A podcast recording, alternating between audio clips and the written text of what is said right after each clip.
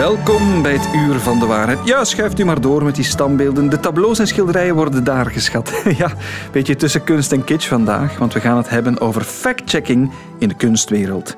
Een Rubens die echt is, of vals, dat is een verschil van miljoenen euro's.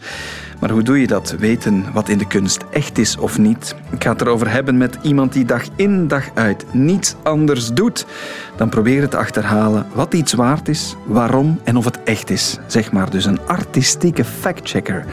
Welkom bij dit Uur van de Waarheid. Het Uur van de Waarheid. Met Dennis van den Buis.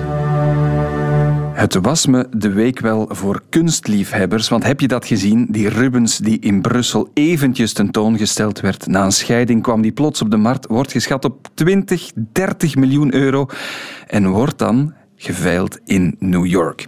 In de kunstwereld doen ze eigenlijk niets anders dan fact-checking, want is dat wel een echte Rubens? Peter Bernards van het gelijknamige veilinghuis in Antwerpen is hier. Peter, goedemorgen. Goedemorgen. Peter, wat denk je? Is het een echte Rubens die daar onder de hamer zal gaan in New York? Maar natuurlijk wel. Het is helemaal echt. En het is ook een schone. Het is een fantastisch schoon uh, werk. Ja, ik ben gaan kijken en uh, dat blijft toch altijd... Um, op een of andere manier toch enorm aantrekkelijk om dicht bij zo'n werk te staan. En dat, toch, en dat hoeft dan niet zelfs niet aan Rubens te zijn, hè, maar de kwaliteit spat er gewoon vanaf.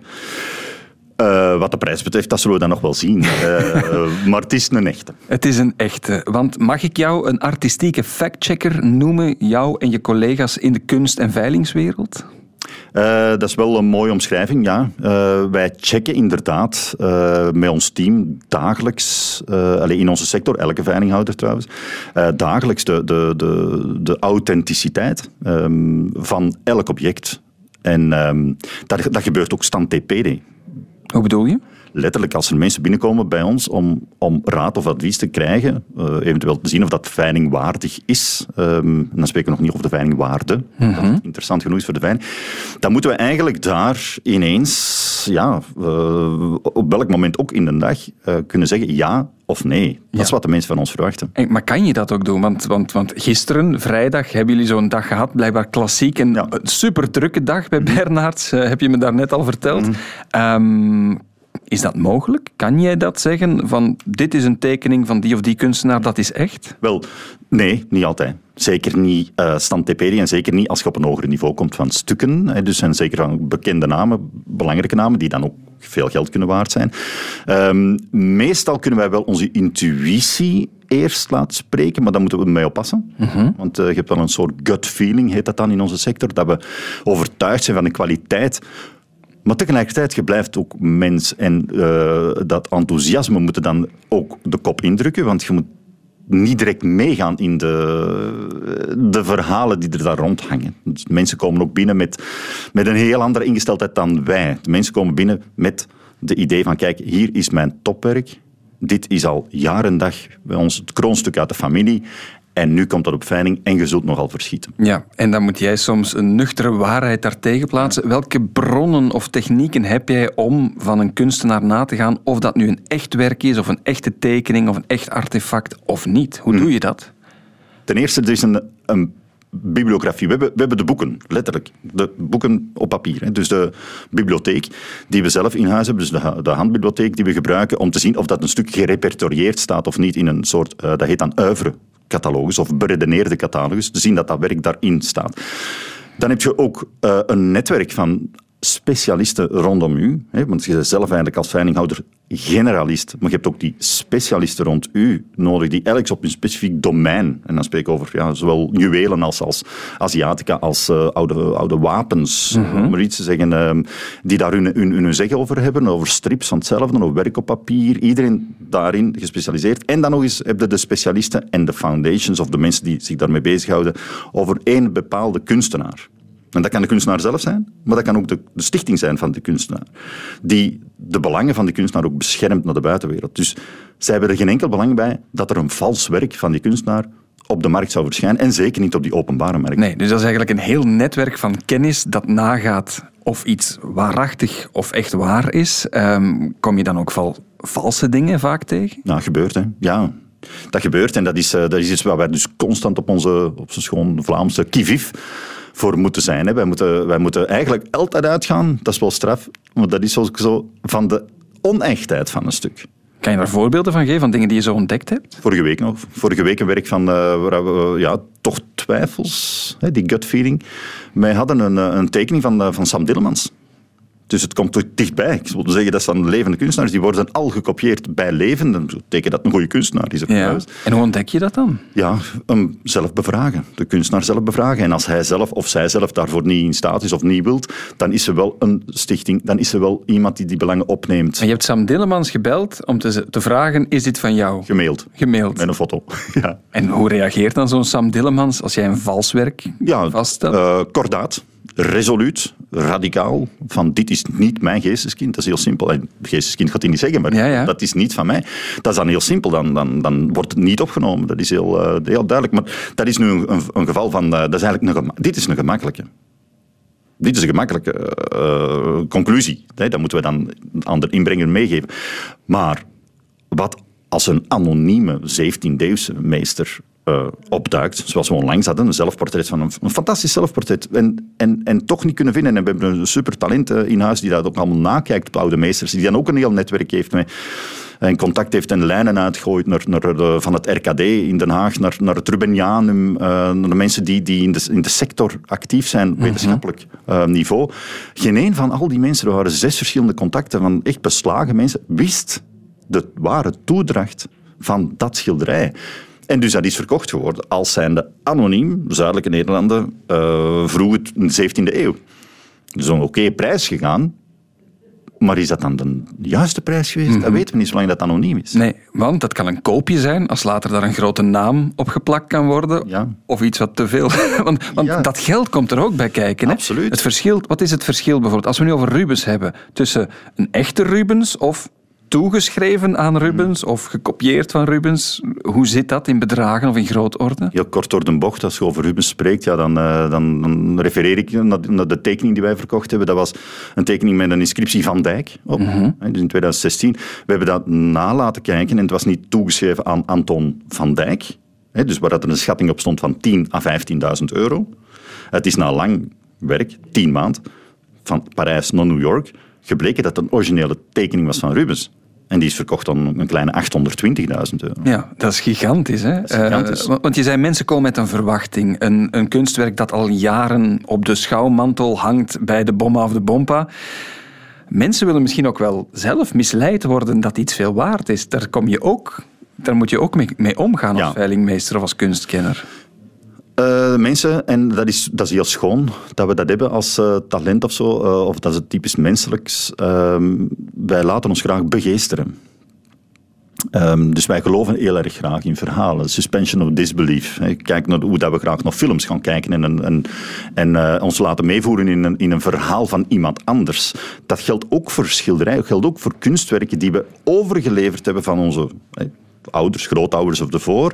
Uh, het verhaal dat verkocht wordt door de antiquair of op een rommelmarkt. Van, het wordt altijd beladen of omzwachteld met een of ander verhaal. En hoe interessanter dat verhaal is, hoe sneller de mensen zich laten meevoeren in, de, in het positieve resultaat. Mm -hmm. Dus heel kort gesteld, wij op de veilingvloer op die momenten van schatten laten veel meer, helaas toch nog altijd, veel meer dromen uiteenspatten dan we ze kunnen waarmaken. Ja, en hoe gaan mensen daarmee om? Want ja, het is echt een droom, zeg je, die uiteenspat. Um, dat is... Uh, op het gezicht direct niet echt te merken. Dat moment dat we dan die droom moeten uh, doorprikken, of die ballon moeten doorprikken, en dus heel realistische en nuchtere schatting moeten geven, ja, een bescheiden schatting uh, moeten geven, uh, met de bedoeling een hoog resultaat te krijgen mm -hmm. natuurlijk. Maar dus uh, curb your enthusiasm, zou ik bijna zeggen. Um, dat is lastig, want je, je, je breekt niet alleen de verwachting af, maar je, je doet ook een beetje door als schatter dan aan de, aan de erfenis de geestelijke erfenis van die vorige bezitter. Ja, ja, ja. Ook dat beeld moet dan bijgesteld worden ja. door een droog getal dat jij geeft. Ik noem jou een factchecker, Peter, en jullie sector. Heb je het gevoel dat dat nu gemakkelijker is tegenwoordig om na te gaan of iets vals is of niet? Ontdek je er dan ook meer dan ik zeg maar iets toen je begon uh, met het veilinghuis? Ja, er gaat, er gaat veel meer rond. Er wordt heel veel um, gepost. Er, wordt heel veel, er zijn heel veel blogs, er zijn heel veel uh, supergoeie websites musea. er zijn uh, ontsluitingen van databases die, die we vroeger allemaal niet hadden, die we vroeger alleen in de literatuur hadden. En nu is het de literatuur, de bibliotheek en het net. Die twee samen zorgen voor een soort consensus. Dus je ziet veel meer, je ontdekt ook veel meer. Uh, de consument momenteel is veel beter gewapend dan vroeger.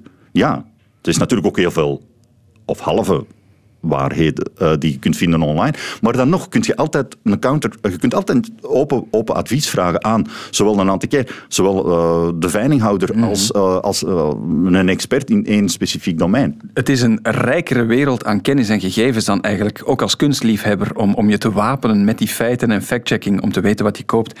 Tot slot, Peter, ben je zelf ooit ook misleid geweest door je eigen expertise, dat je iets helemaal gerateerd hebt of fout hebt ingeschat? In de twee richtingen zelfs. Gerateerd omdat ik het uh, eerst uh, niet geloofde. Dus de, de, de man heb, uh, of de vrouw in kwestie heb wandelen gestuurd, waardoor achteraf ook nog bleek dat het, veel, het stuk veel duurder is verkocht geweest op een ander veilinghuis. En dan soms ook het tegenovergestelde, dat je iets te hoog inschat, omdat je er zelf bij wijze van spreken, verliefd op wordt. En dan begint dat, ja, waar het hart van vol is, uh, loopt de mond van over. En mag een expert natuurlijk niet te veel doen, want dan, ja, dan overschat hij zichzelf. Mm -hmm. Dat mag natuurlijk niet. Nee, dan zet er een prijs op die alleen jij misschien voor dat ja, werk zou... Ja, voilà. Zo moeten mee oppassen. Zo kan je het nog oplossen binnen het veilinghuis, natuurlijk. Een factchecker mag ik jou dus ook noemen, en een kunstliefhebber en kenner. En we zijn veiliger dan ooit. Uh, als we proberen op zoek te gaan naar echte kunst, onthoud ik uh, toch ook deze dagen. Peter Bernards van het gelijknamige veilinghuis. Dankjewel om onze gast te zijn. Dank je wel. Het uur van de waarheid. Op die sociale media heb ik van alles gezien over onze trouwe viervoeters. Dierenvrienden zullen het wel weten of herkennen misschien het gevoel. Weet mijn hond op voorhand al niet veel meer dan ikzelf? Met die aardbeving in Turkije en Syrië zijn daar meteen filmpjes opgedoken. Van vogels ook, maar ook van honden die op voorhand al heel lang zitten te janken en beginnen weg te lopen. Hebben zij een zesde zintuig? Kunnen dieren en honden in het bijzonder een aardbeving voorspellen? Dat is de vraag. De man met de antwoorden zit hier bij mij, bioloog Herwig Leers van de Universiteit Antwerpen. Herwig, goedemorgen. Goedemorgen. Herwig, kunnen honden een aardbeving voorspellen? Wist Fiki al dat de rakkie van zijn baasje ging omvervallen, uren op voorhand? Uren op voorhand zal hij het niet geweten hebben. Een paar seconden misschien. Dat is omdat die aardbevingen eigenlijk starten met bevingen die soms uh, snel, maar heel lichte bevingen zijn, die snel geraken tot waar je zit. En die worden dan gevolgd door veel zwaardere bevingen. En dat zijn degenen die de schade veroorzaken. Maar die lichte, snelle bevingen die zijn er al een beetje vroeger. En een hond kan die misschien voelen, terwijl wij die nog niet hebben opgemerkt. En dan wordt die hond misschien onrustig. Maar dan spreken we over een paar seconden voordat de echte zware uh, schokgolf komt. Ja, dus die filmpjes van honden die al uren zitten te janken, dat heeft niets met die aardbeving te maken? Nee, natuurlijk is het zo dat die, die honden af en toe allemaal om een of andere reden onrustig worden. En achteraf begint men dan die links te leggen. Hè. Het is een beetje zoals wanneer je zelf denkt aan iemand en een paar minuten later belt die persoon naar jou. Dan denk je, oei, dat kan geen toeval zijn. Maar natuurlijk, uh, je bent dan al vergeten al die keer dat je eraan gedacht hebt dat je ja, niet bent opgebeld ja, ja, of dat die persoon gebeld heeft zonder dat je eraan gedacht En dan leg je een link die er misschien geen is. Uh, is dat met andere dieren ook bestudeerd of zij wel aardbevingen kunnen voorspellen? Ja, er zijn eigenlijk helemaal geen bewijzen dat dieren dat kunnen voorspellen. Dus dieren kunnen het blijkbaar soms wel iets vroeger voelen, zoals die honden. Maar men heeft allerlei verschillende rapporten, maar die komen altijd op hetzelfde neer. Achteraf zegt men dan, ah ja, ik heb iets ongewoon gemerkt. En dat is dan misschien eh, een verklaring geweest. Er zijn een paar studies gebeurd waar men echt is gaan kijken van uh, um, reageren die dieren. Men dacht bijvoorbeeld, men zag dat dat olifanten bij een aardbeving naar een hoger gelegen gebied trokken, omdat er misschien een tsunami zou aankomen. En dan heeft men olifanten uitgerust met zenders en gekeken wat doen die eigenlijk normaal gezien. En die lopen heel de tijd over en weer. En bij de eerstvolgende aardbeving liepen ze helemaal niet naar boven. Mm -hmm. Of men heeft ook een onderzoek gedaan in, uh, in Italië, in een gebied waar heel veel uh, aardbevingen voorkomen, heeft men koeien uitgerust met een soort uh, ja, sensors die de bewegingen van de koeien konden opnemen. En dan zag men zijn dat de koeien die op stal stonden in de uren voor een aardbeving blijkbaar wat onrustig waren, maar de koeien die buiten stonden niet. En men wist ook niet zeker of dat het was door die aardbeving, want ze werden ook op andere momenten onrustig en het was niet altijd gelinkt aan de, aan de aardbeving. Hmm. Dus eigenlijk ook daar zijn geen, eh, geen conclusies nee, uitgekomen. Nee, maar we, we, willen dat misschien wel graag zien. We dichten dieren eigenschappen toe die wij niet hebben, want, want dieren kunnen toch soms ook meer, hè? Ja, dieren hebben zintuigen soms die wij niet hebben. Maar Eerst en vooral, als we zeggen dieren, het gaat natuurlijk niet over alle dieren die iets kunnen wat wij alleen als mens dan niet zouden kunnen. Hè? Mhm. Maar sommige dieren hebben zintuigen die wij niet hebben. En wij kunnen ook dingen die sommige dieren niet kunnen. Hè? Wij kunnen bijvoorbeeld niet zo goed ruiken als een hond. Een hond kan veel beter ruiken als wij, maar wij kunnen veel beter proeven dan een hond. Okay. Wij kunnen ook meer kleuren zien dan een hond. Een hond kan geen rood licht zien. Wij kunnen wel um, rood, blauw en, en uh, groen en geel kunnen wij allemaal um, zien, maar een hond ziet geen rood licht. En dan zijn er vogels en, en insecten die UV-licht kunnen zien, wat wij dan weer niet kunnen. Dus, kan je daar een voorbeeld van geven? Wel, een, mooi, mooi, voorbeeld van een, eh, een, een, vogel die dat UV-licht gebruikt is de torenvalk. De torenvalk die jaagt op veldmuizen. En bij zonnig weer gaat die vooral op jacht gaan, want de urine die dat veldmuizen achterlaten, die reflecteert het UV-licht.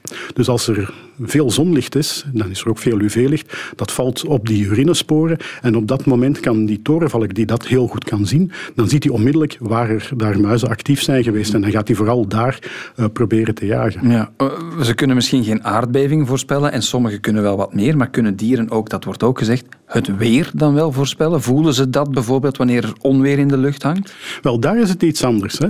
Daar um, gaan dieren soms wel reageren op verschijnselen die te maken hebben met dat onweer dat gaat komen. Gaan zij dat echt voorspellen? Nee, maar ze gaan al iets vroeger waarnemen dat er iets aan het veranderen is. Welke dieren zoal?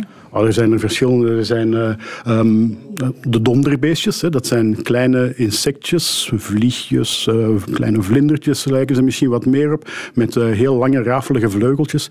Die vliegen niet goed en die zitten niet graag in heel droge omstandigheden. Dus als het een beetje vochtig begint te worden, dan beginnen die actief te worden. Nog geen regen, maar en Nog geen regen, gewoon vochtige lucht. Die te maken heeft natuurlijk met regen die al veel verder bezig is. Maar die mhm. vochtige lucht komt al wat tot hier. Bovendien, als we dan in een lager drukgebied zitten, dan is er veel meer wind. En dat is voor die dieren die niet goed kunnen vliegen en die graag toch wat vochtige lucht hebben, het moment om te beginnen vliegen en dan met de wind worden meegewaaid. En op die manier zien we dan kort voordat de regen gaat aankomen, zie je die donderbeestjes komen. Ja. Maar we weten ook dat bijvoorbeeld um, sommige dieren goed de, de luchtdrukverschillen kunnen voelen. Wij kunnen dat ook. Wij kunnen ook luchtdrukverschillen voelen. Welke dieren Als, dan? Maar bijvoorbeeld katten, van, daar, daar weet men dat van, dat zij zeer gevoelig zijn um, in hun oren. Net zoals wanneer wij in een vliegtuig zitten of snel een berg oprijden of afdalen, dan krijg je een druk in je oren. En dat is eigenlijk omdat er een drukverschil is tussen de buitenkant van uw oor, op uw trommelvlies, en binnenin, ja, aan de binnenkant van uw oor. En sommige dieren zijn daar heel gevoelig aan, zoals bijvoorbeeld katten blijkbaar. En een lage drukgebied is meestal een voorbode van storm. Dus dan krijg je dat effect dat dieren al wat onrustig worden en zich misschien al gaan voorbereiden op een storm. Ja, ook de modderkruiper bijvoorbeeld, een soort vis zou dat kunnen, hè?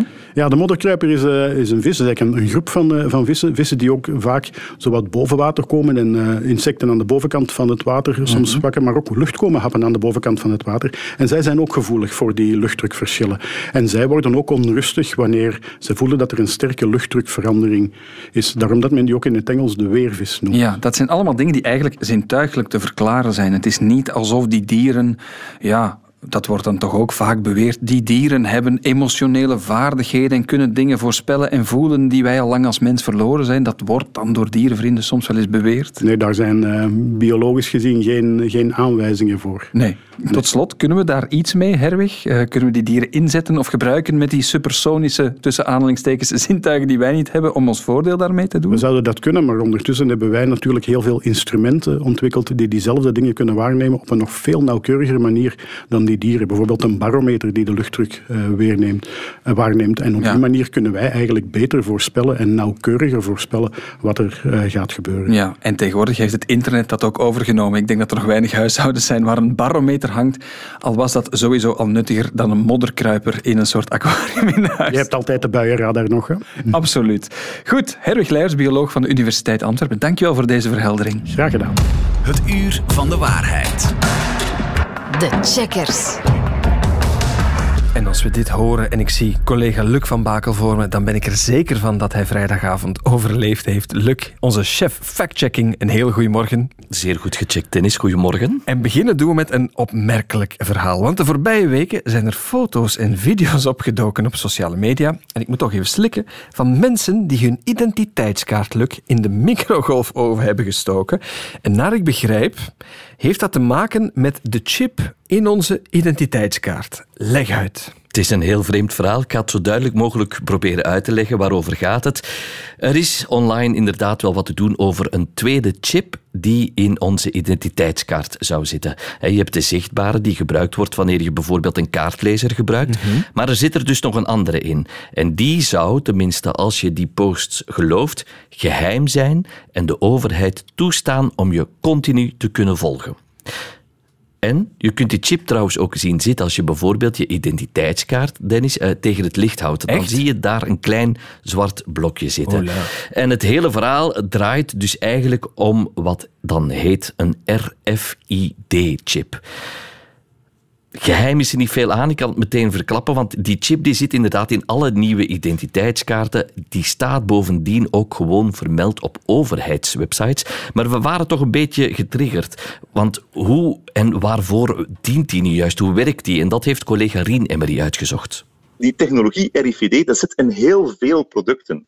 Dat, dat wordt gebruikt in tags van producten in de winkel, zodat je niet door de beveiliging kan ermee weglopen.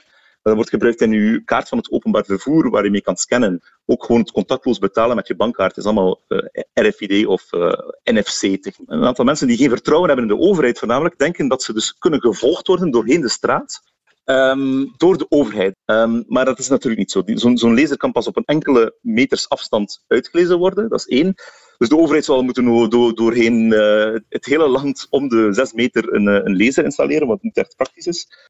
Ja, dat is heel fascinerend. Maar dan blijft de vraag, als je dat toch van op afstand kan uitlezen, Luc, is dat wel veilig? Ja, en dan komen we wel bij een terechte vraag of een terechte bezorgdheid van hoe veilig is die chip dan eigenlijk voor hackers?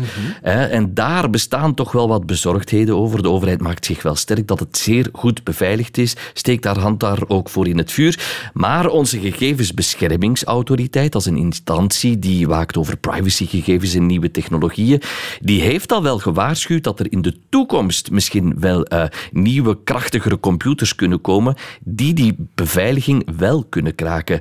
Dus het blijft wel een taak voor de overheid om dat goed te blijven beveiligen. Maar voorlopig is er geen enkel probleem mee. Nee, en voor alle duidelijkheid, om terug te gaan naar het begin, als je je identiteitskaart in een microgolf oversteekt, maakt dat dan die RFID-chip nutteloos of haalt dat iets uit?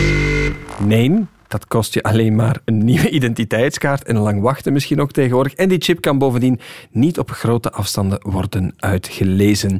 Wel vraagtekens bij de beveiliging, maar die heb je daarnet gegeven. Iets heel anders. We gaan het hebben over het risico op een hartaanval, want, is een claim, je zou die, of dat risico, met de helft kunnen verlagen door te joggen, te lopen. Ja, om exact te zijn, eh, het was een uitspraak die in het magazine Flair stond.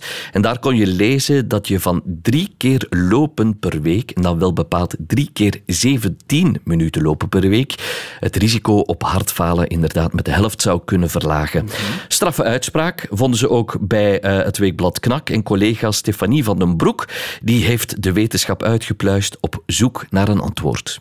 Uit groot onderzoek blijkt inderdaad dat als je ongeveer 51 minuten per week jogt, dat je dan veel minder kans hebt om te sterven aan een hartaanval. Maar het maakt eigenlijk niet zoveel uit of je nu één keer 50 minuten loopt, twee keer een half uurtje of drie keer een kwartier. Wat wel een belangrijke nuance is, uit ander onderzoek blijkt dat als je verder een zogenaamd sedentair leven hebt, dat wil zeggen dat je hele dagen bijvoorbeeld aan je computer zit en je gaat dan s'avonds een half uurtje joggen, dat dat amper een positief effect heeft. Dus het is ook heel belangrijk dat je daarnaast voldoende recht staat en wandelt. Oké, het klopt dus eigenlijk. Als je toch jogt met al die nuances van dien, dan heb je een minder groot risico op hartziektes. Misschien een tip, hè? je kan gaan joggen tijdens het Uur van de Waarheid of tijdens onze andere podcasts die je nog kan vinden in de app van VRT Max. We blijven een beetje in de sfeer van de klachten en de medische aandoeningen. Want je hebt de ziekte van Lyme, bekend van de tekenbeten, zo kan je het krijgen. En in een krant stond te lezen dat je die klachten van de ziekte van Lyme kan onderdrukken met intermittent living. Luc, wat is dat? Wel, uh, intermittent living draait eigenlijk om het uh, geven van uh, prikkels aan je lichaam. Je kent misschien al wel de dieetvariant, intermittent fasting. Periodiek niet eten wil dat eigenlijk mm -hmm. zeggen. En daar gaat dat dus om de prikkel honger, maar je kunt veel verder gaan en ook werken met koude prikkels enzovoort. En door dat te doen, zo beweert iemand in de krant, kun je dus genezen van de symptomen van die ziekte van Lyme. Maar klopt dat wel? Dat hebben we gevraagd aan infectioloog Steven van den Broeke. Dat klopt niet. Er zijn geen degelijke studies gebeurd die het nut van intermittent living aantonen in de behandeling van de ziekte van Lyme. Antibiotica zijn de aanbevolen behandeling en deze werken prima. Na één jaar heeft nog ongeveer 2% last van vermoeidheid en andere klachten. Maar wat heel belangrijk is, is op te merken dat in de algemene bevolking ook 2% van de mensen last heeft van belangrijke vermoeidheid en vage subjectieve klachten. Dus deze klachten hebben niets meer met Lyme te maken, Oké, dankjewel, infectioloog Steven van den Broeke. Klopt het dat je door intermittent living van Lyme kan genezen? Nee, helemaal geen bewijs voor. Ja, toch nog een, een kleine aanvulling, als het even mag, Dennis. Ja, ja doe maar, ik ken je, je bent de chef. Oké, um, ja, dat, dank u. Um, infectioloog Steven van den Broeke die wou toch nog iets toevoegen dat er ook wel heel veel foute diagnoses zijn van Lyme. Dus dat mensen die langdurig klachten hebben misschien wel nog sporen van Lyme in hun bloed kunnen hebben, maar daarom niet meer de ziekte hebben. En als je dan begint te vasten of dit kan een placebo-effect beginnen opduiken. Dus dat is toch een belangrijke nuance die we willen meegeven. Ik onthoud nuance vandaag. Nuance bij al die claims en die kunnen we altijd vinden en herlezen op één adres. Ongenuanceerd kan je dat vinden op de pagina van de checkers.be of op 14nieuws.be. Leuk, graag tot de volgende keer. Het uur van de waarheid. Tijd voor een comeback. Een comeback waar ik eigenlijk geen idee van had dat het een comeback was. Maar de oldschool klimaatontkenning is blijkbaar terug van weg geweest. Mensen die gewoon echt radicaal zeggen: er is niets aan de hand. De mens zit daar voor niks tussen met alles wat er verandert. Ik dacht dat daar wetenschappelijke consensus over was. Maar uit een studie blijkt: nee, die ontkenning is groter dan ooit. En de industrie en de olieindustrie wakkert dat zelfs bewust mee aan. Bij mij iemand die dat iets beter dan ik onderzocht heeft en daar alles over weet, collega Vincent Merks van VRT Nieuws. Vincent, goedemorgen. Hey Dennis, goedemorgen. Vincent, het is terug van weg geweest. Waar moet ik dan aan denken? Wat wordt er allemaal beweerd over het klimaat? Goh, um, je hebt het misschien op Facebook of Twitter zien passeren. Dat zijn dan posts zoals... Um, het zeeijs aan de Noordpool groeit terug aan. Of uh, CO2, het broeikasgas, is eigenlijk goed voor planten. We moeten ons daar helemaal geen zorgen over maken. Of um, ja, de, de aarde heeft altijd opgewarmd en afgekoeld, wat trouwens waar is. Dus we moeten ons daar geen zorgen over maken, over deze klimaatopwarming, wat dus helemaal niet waar is. Ja, dat, dat zijn dingen claims. die ik al wel vaker gehoord heb en die mm. vaker naar voren komen. Je hebt dat bekeken en zegt nu, dat is een comeback. Het is sterker dan ooit aanwezig. Waarom zeg je dat? Ja, wel, ik zeg dat niet. Het zijn uh, twee onderzoeksinstellingen, om het zo te zeggen. Twee onderzoeken die eind vorig jaar zijn gepubliceerd, die dat zeggen. Uh, enerzijds een heel, heel uitgebreid onderzoek. Ik heb het hier naast mij liggen, 40 pagina's van uh, een, een, paar tiental uh, NGO's en de Universiteit van Exeter. -hmm. en anderzijds marktonderzoek van Ipsos. Nu, dat eerste onderzoek van 40 pagina's. Ze hebben Facebook en Twitter in de gaten gehouden tijdens de laatste VN-klimaattop. In november was dat. En de maand daarvoor.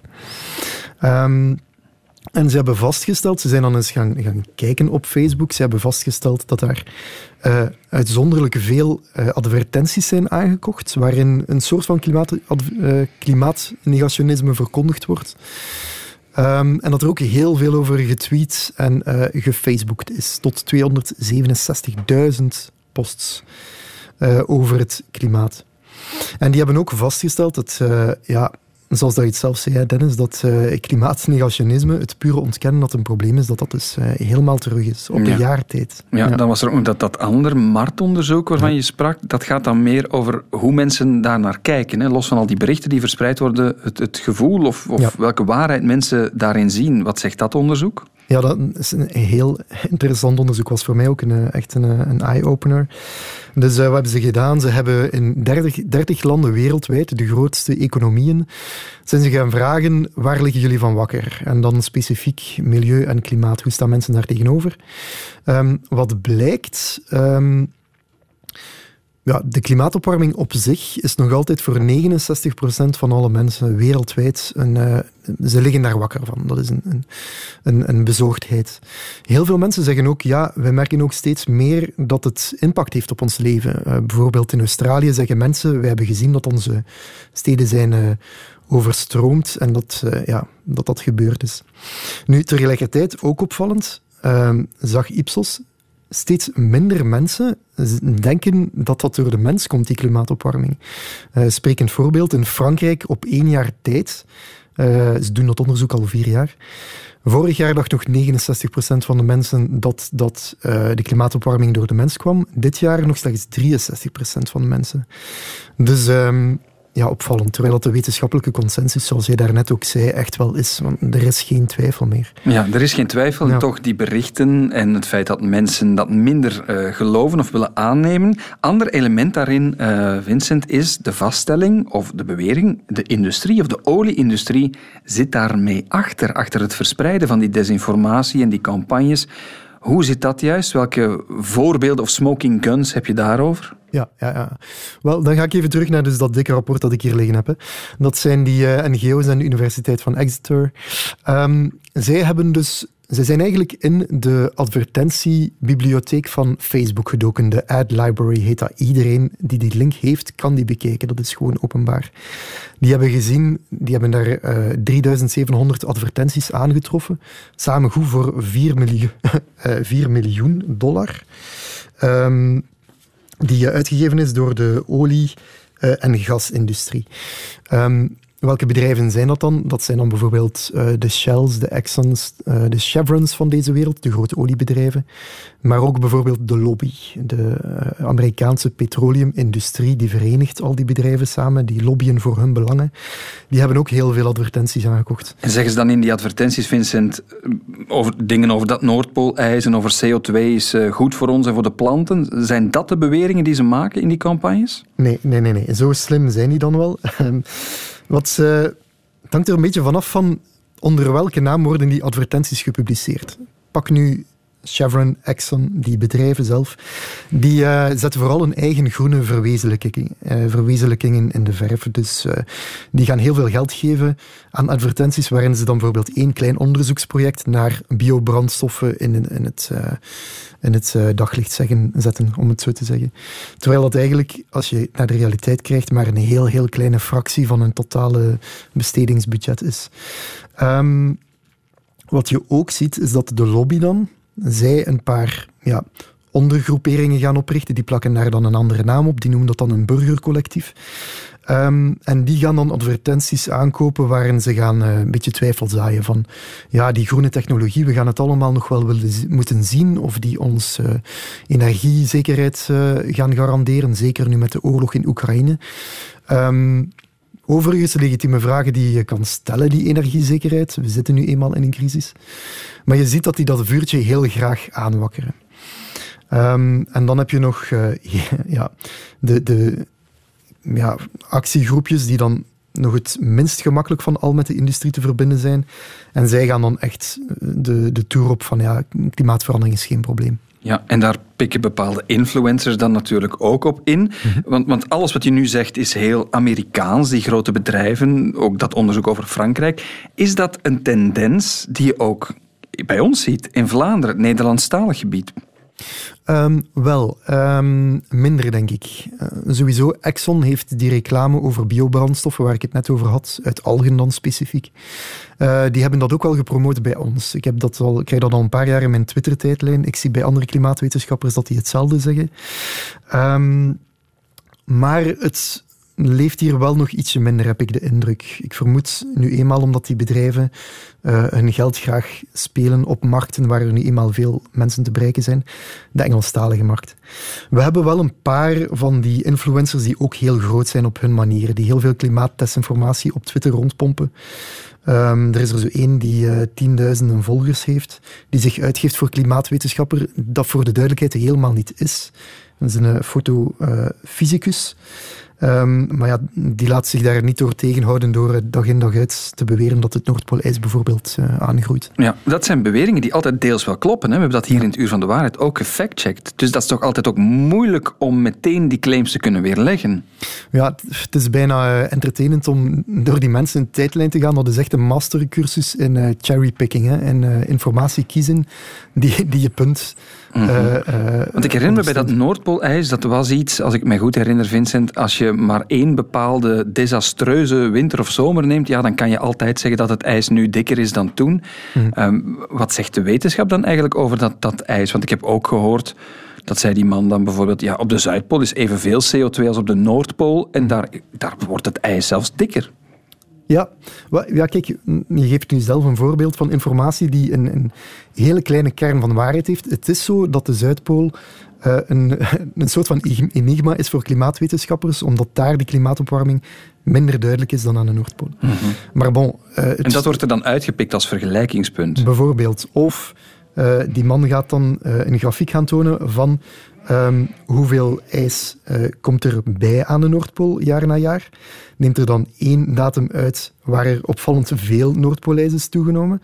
Maar die gaat dan niet gaan zeggen, ja, er smelt veel meer af elke zomer. Ja, ja, ja. Dus... Maar het toont ook aan dat het wel begrijpelijk is dat mensen misschien willen meegaan in dat verhaal als dat niet ja, gecheckt wordt of, of tegenwerpingen krijgt. Hoe moet je daar nu als nieuwsconsument of als Facebook-gebruiker mee omgaan? Heb je daar tips voor? Ja, ja helemaal. Um, wel, tip nummer één is, uh, hou altijd in het achterhoofd dat uh, klimaat en weer niet hetzelfde is. Het is een beetje een, cliché, maar het is echt zo. Als je iemand beweringen ziet doen op basis van één datum of één jaartal, um, uh, dan moet je echt een slag om de arm houden. Klimaat, dat is een trend van tientallen jaren. Je moet echt gaan kijken van, wat is de evolutie van pakweg de industriële revolutie tot nu. Um, en daarnaast zou ik zeggen, het is, ik vind het een beetje vervelend om reclame te maken voor onszelf, maar ik ben er wel van overtuigd dat we het goed doen hier. We hebben hier op eh, VRT Nieuws, uh, zijn we hier met de drie journalisten continu klimaat en milieu aan het opvolgen. We hebben ook een nieuwsbrief nu, die heet Ons Klimaat, waarin we elke week uh, correcte informatie geven over de klimaatopwarming. Je vindt die op onze website. Als je op de homepagina helemaal naar beneden scrolt, je klikt op nieuwsbrieven, dan kan je je daar inschrijven en dan krijg je informatie waarvan je zeker bent dat die juist is. Ja, die homepage als uh, VRT Nieuws. Voor ja. alle duidelijkheid. Um, ja, toch opmerkelijk dat het harde klimaatnegationisme volgens de cijfers en de indrukken ook terug is van, van weg geweest. Mm -hmm. Vincent Merks, dankjewel om hier te gast te zijn. Ja, hartelijk bedankt Dennis. Dag. En daarmee zit deze podcast van het Uur van de Waarheid er weer helemaal op over bibberende labradors tijdens aardbevingen of valse Sam Dillemansen. Je bent helemaal bijgepraat. Wil je meer afleveringen van het Uur van de Waarheid ontdekken? Doe dat. Ga naar de app van VRT Max. Beluister alles wat je maar van ons kan vinden. En dat is zeker helemaal geen... Fake news, fake news. There's never been an innovation that's so easy to do. They used to be lies, now they're alternative truths. So if you fake it with me, I'll fake it with you. Fake it till you make it. Heel graag tot de volgende podcast. This song never